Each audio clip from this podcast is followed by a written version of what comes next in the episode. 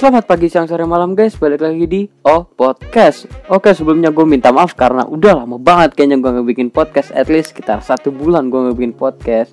Dan terima kasih udah mendengarkan episode sebelumnya Di mana banyak yang nge-DM gue Banyak yang bilang secara langsung sama gue Kalau misalkan itu tuh lucu Karena putusnya di luar alasan seperti biasanya ya kan? Oke kali ini gue bakalan ngebahas tentang rasanya jadi anak broken home Dan bakalan bahas tentang opini gue mengenai kasus Azriel, Krisdayanti dan Raul Lemos. Tapi tergantung nanti ya durasinya cukup apa enggak karena kalau kelamaan juga gak enak ya kan. Langsung aja ke topik yang pertama.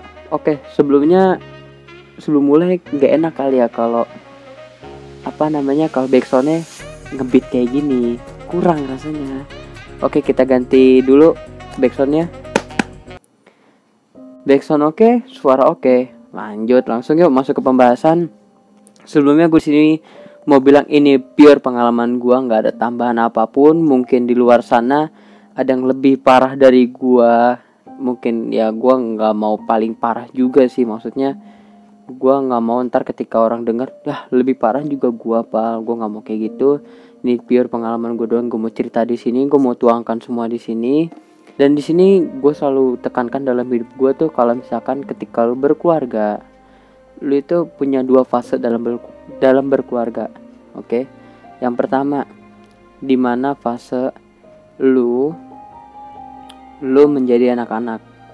Ketika lu menjadi anak oke okay, itu fase pertama. Dan fase kedua adalah ketika lu dewasa nanti yaitu lu ketika lu menjadi orang tua dan bagi gue yang telah gagal merasakan di fase pertama, di mana gue menjadi seorang anak dari orang tua yang cerai, tentunya gue nggak mau dong merasakan tersebut di hal kedua nanti, di fase kedua nanti. Gue sebenarnya apa ya nggak tahu masalah yang dihadapin bokap nyokap gue ketika saat itu sampai mereka bisa cerai, karena posisi gue dari kecil nggak tinggal sama mereka. Dia tinggal di Jakarta sama kakak gue, sedangkan gue tinggal di Bekasi sama nenek kakek gue. Yang gue tahu mereka itu cerai saat lebaran 2007 Di mana saat itu gue lagi naikkan ke kelas 2 SD Sebelumnya mereka juga udah menjanjikan gue Kalau misalkan gue ranking 1 saat kelas 2 SD itu Gue bakal diturutin apa pun kemauan gue Yang di mana saat itu gue inget banget Kemauan gue itu adalah dibuatkan studio musik. Ya studio musik lengkap. Ada drum ada gitar pokoknya semuanya. Karena bagi gue dulu dari kecil emang orangnya tuh nggak bisa lepas dari yang namanya musik. Anehnya pas itu tuh kelas 2 itu gue ranking satu.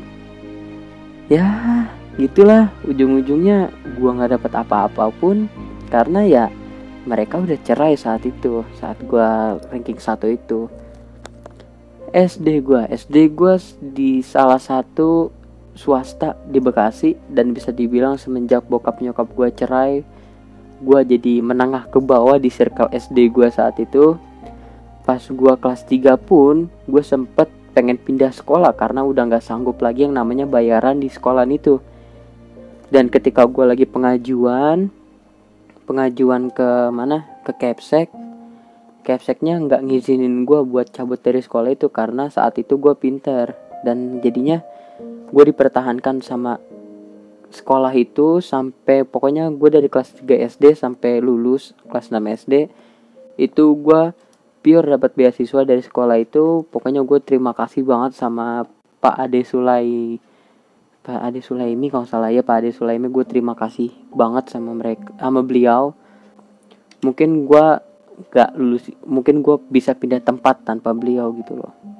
Oke balik lagi ke bokap nyokap gue mereka sekarang udah punya keluarga baru masing-masing di mana bokap tinggal di Jakarta sedangkan nyokap tinggal di Papua. Dan gue sampai sekarang masih tinggal sama nenek gue mungkin bisa dibilang orang tua gue sesungguhnya ya mereka nenek kakek gue karena jujur gue nggak pernah ngerasain nikmatnya tinggal sama orang tua sendiri. Bukan berarti gue nggak nganggap mereka gitu ya. Karena yang tahu sifat sehari-hari gue ya mereka yang tahu makanan favorit gue ya juga mereka. Bahkan gue nggak pernah yang namanya ngerasain buka puasa bareng nyokap sama bokap gue tuh nggak pernah nggak pernah gue ngerasain rasanya kayak gitu. Jadi bisa dibilang I have two parents kandung dan tiri selama sekolah gue ngerasa itu fine fine aja karena mereka masih ngebiayain gue walaupun kadang lempar-lemparan tanggung jawab tapi nyokap gue yang masih peduli sama gue dan bokap gue pun juga sama saat itu masih peduli sama gue ya intinya selama gue sekolah ya everything is okay. Ya udahlah kalau cerita tentang hidup gue mungkin terlalu ribet terlalu panjang terlalu kompleks. Mendingan apa ya mendingan kalau misalkan mau tahu cerita tentang gue mendingan gue bikin buku ya kan? Di anjing bikin buku emang lu siapa? Pal pal. Ya pokoknya gue sekarang pengen ngebahas hal positif dan hal negatif. Bukan sih lebih tepatnya apa ya? Dampaknya dampaknya sebagai anak broken home positif negatif yang gue alamin gitu kan? Oke, yang pertama kita mulai dari dampak negatif. Dampak negatif. Dampak negatif yang paling gue rasain itu ketika gue main ke rumah temen gue nih dan lihat keluarga mereka tuh akur, keluarga mereka tuh bercanda-canda, keluarga mereka saling support.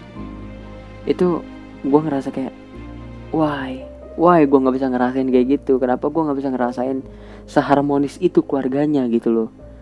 dan gue cuma ya udah cuma bisa ngehayal doang pokoknya gue cuma bilang pokoknya gue ntar punya keluarga gue gue nggak boleh kayak keluarga bokap nyokap gue gue harus ngebahagiain anak-anak gue nanti. Gue selalu berpendapat kayak gitu. Gue selalu berhalusinasi seperti itu. Dan kalau ngomongin hal negatif yang berdampak sama gue itu gue inget banget ketika wisuda wisuda SMK pas itu.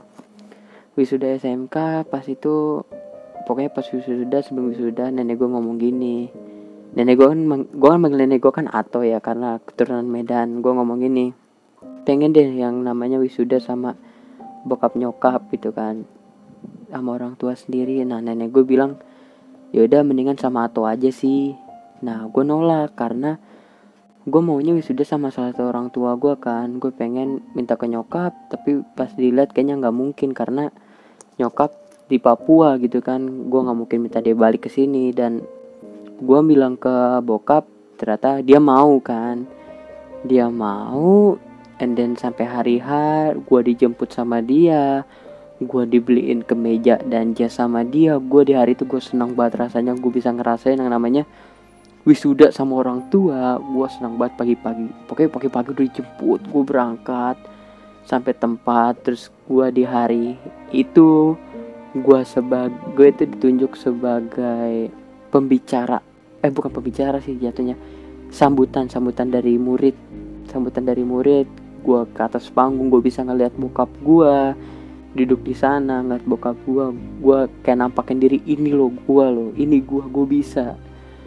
Gue gue ngerasa gue nggak banggain dia. Pokoknya gue rasa bangga banget gue rasa senang banget hari itu. Senang banget. Ya tapi ya udah balik lagi ketika gue ngerasain senang titik-titiknya orang seneng ada aja yang bikin hancur semuanya.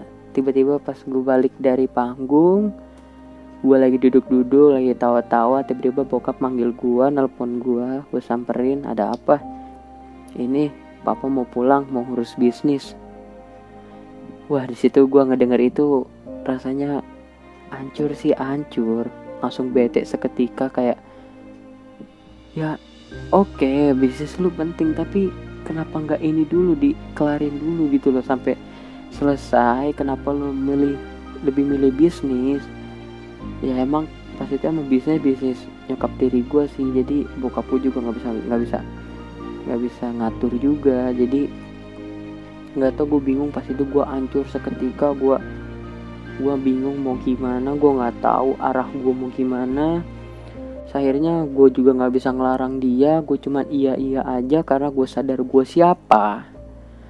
Ya udah jadi ya udah mereka pulang gue balik ke bangku gue gue jadi lesu gue jadi diem sendiri jadi kayak nggak mood bercanda lagi.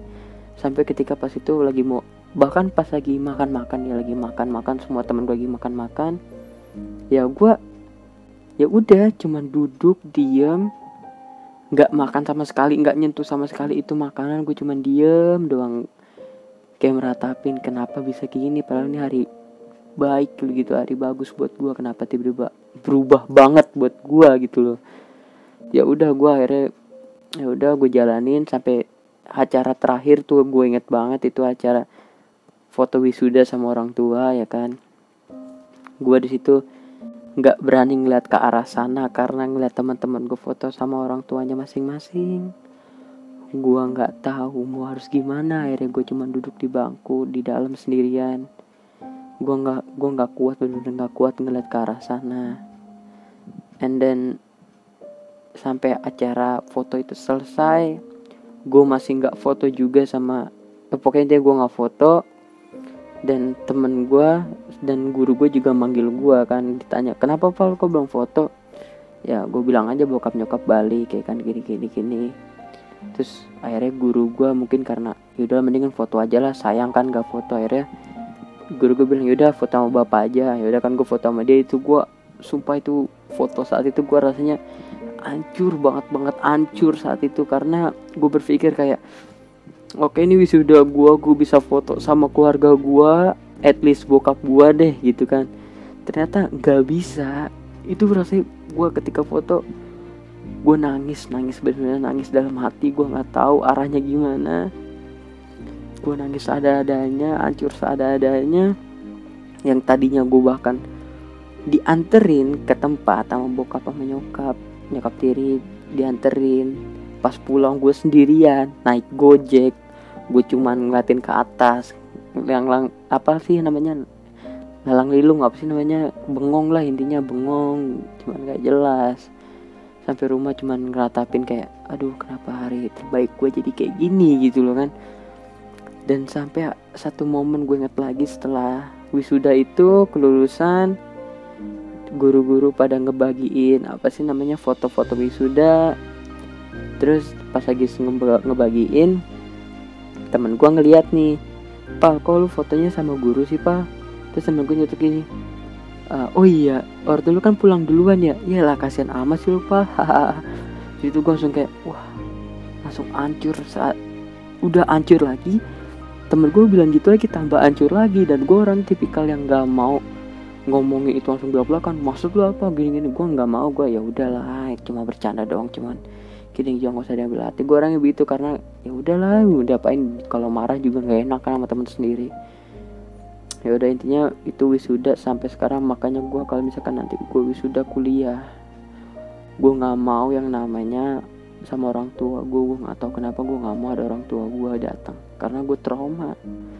Sebenarnya itu trauma. Gue pengennya tuh temen-temen gue yang support gue sekarang. Yang bantu gue sekarang. Gue pengen mereka ada ketika gue wisuda nanti. Itu yang gue harapkan. Gue nggak mau orang tua gue datang. Setrauma itu gue ngerasain itu. Oke lanjut lagi ketika apa ya hal negatif hal negatif. Itu ketika gue main ke rumah bokap gue ketika gue main ke rumah bokap gue ngeliat apa ya anaknya dijemput sama bokap gue gue kok gue kok bisa gitu ngerasain iri sama anaknya ya mungkin karena gue nggak pernah ngerasain dijemput sama orang tua gue kali ya. Dan ketika gue laporan ke bokap gue bilang kan pah opal iri sama dia. Soalnya bisa papa jemput sedangkan opal nggak pernah dulu pas sekolah. Bokap gue cuma bilang ngapain sih iri? Kan udah gede. Wah situ gue langsung kayak ya emang apa salahnya manja sama orang tua sendiri walaupun usia lu udah tua apa salahnya? Gitu loh apalagi gue yang nggak pernah ngerasain namanya manja ke orang tua kenapa? Itu yang gue selalu kayak sampai sekarang gue benci karena kata-kata itu. Dan ketika gue cerita ke nyokap gue pun juga sama jawabnya juga sama kayak gitu. Kenapa? Kenapa jawabnya mereka begitu gitu loh? Makanya gue kadang suka kesel sama teman-teman gue atau sama orang siapa pun ketika dia tiba-tiba ngomong kayak gini uh, nyokap gue apaan sih ngelarang gue ngelarang gue mulu najis? Gue punya nyokap gitu mah. Atau enggak kadang bokap gue apaan sih nggak jelas mati aja kayak lu. Itu gue bener-bener benci sama orang yang ngomong-ngomong kayak gitu. Bawaannya pengen gue teriakin tuh di kupingnya dia. Lu nggak tahu gimana sakitnya ketika lu pengen manja. Tapi lu nggak bisa ke orang tua lu bangsat. Gue pengen banget kadang orang gituin orang tapi ya udah itu hidup dia hidup hidup gue kan lagi pula lu kuliah masih dibiayain anjing. Seharusnya lu bersyukur lu lu dapat apa ya dapat support dari mereka. Banyak di luar sono no. Yang harus nyesuaiin jadwal kerja jadwal jadwal kuliah itu sendiri. Itu capek cu. Lu seharusnya bersyukur cuman kuliah pulang kuliah pulang main doang. Ya udahlah. Kalau bahas negatif mungkin gak akan ada habisnya ya kan? Karena bagi gue dampak negatif itu sangat berpengaruh banget dan banyak banget bagi gue dengan sekarang kita bahas dampak positif aja kali ya. Tapi dampak positif ini gue bawain ya. Gue masukin jokes jokes lah biar nggak biar santai aja biar ya tapi ingat ini jokes jangan dianggap serius. Yang pertama dampak positif yang gue alamin itu adalah uh, mungkin lu bisa jadi pribadi yang lebih mandiri terus bisa jadi pribadi yang lebih kuat karena dari circle terkecil lu at least keluarga uh, itu lu udah bisa sendiri gitu loh tanpa mungkin mungkin bantuan orang tua iya tapi nggak nggak se nggak seribet bantuan orang maksudnya nggak sebanyak bantuan orang tua yang masih utuh gitu kan. Pokoknya kalau kata Ceribel mah anak broken home mah istimewa. Anjing apaan sih bangsat tolol nggak jelas. Terus yang kedua yang kedua alhamdulillah bokap nyokap gue cerai. Jadi rumah ini udah diwariskan atas nama gua. Jadi dari usia 17 tahun aing teh udah punya rumah sendiri. Iya. Anjing goblok. Nggak lah inget canda-canda cu canda. Terus kalau mereka lagi sama-sama baik ya lu jadi dapat double. Jadi sama-sama ngasih gitu loh.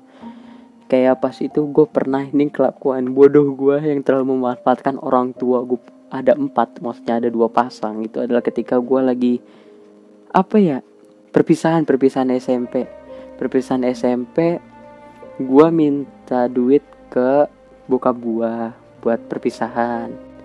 Terus gue juga minta duit ke nyokap gue buat perpisahan. Jadi duit nyokap beneran gue bayarin sedangkan duit bokap buat gue jajan. Pokoknya hal positif yang kayak gitu. Maksud gue ya cuma bercanda aja sih biar biar podcast ini seru aja udah intinya yang gue gue cuma bisa pesan buat yang ngedengerin ini tolong jaga keutuhan keluarga kalian dan kalian nanti saat tua kalian punya istri atau suami atau punya keluarga kalian juga harus apa ya jaga keluarga kalian jangan sampai bercerai. Karena kalau menurut gue oke okay, kalian cerai tapi kalian nggak tahu perasaan anak-anak kalian nanti di saat udah udah sama-sama ngerti gitu anak kalian udah ngerti namanya perceraian itu bakalan terjadi hal kompleks bakalan bikin kacau perasaan anak lu nanti.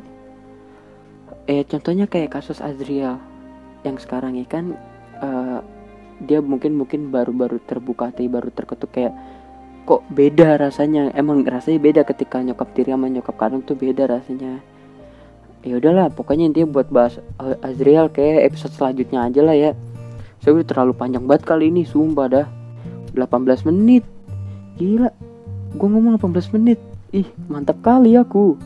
Ya pokoknya jangan lupa buat follow IG gue Noval R N L D I gue spill gue spill deh. Uh, N O U V A L R N L D I atau follow Twitter gue Cilembu C I L E M B O O. Ataupun kalau kalian mau cerita di podcast ini dengan nyamarin nama kalian juga nggak apa-apa uh, kalian bisa DM gue di IG atau di Twitter oke? Okay? pokoknya jangan lupa share podcast ini ke teman-teman kalian. Bilang ke teman-teman kalian kalau podcast ini seru. Walaupun gue nggak tahu sih seru apa enggak. Pokoknya intinya terima kasih udah dengerin oh podcast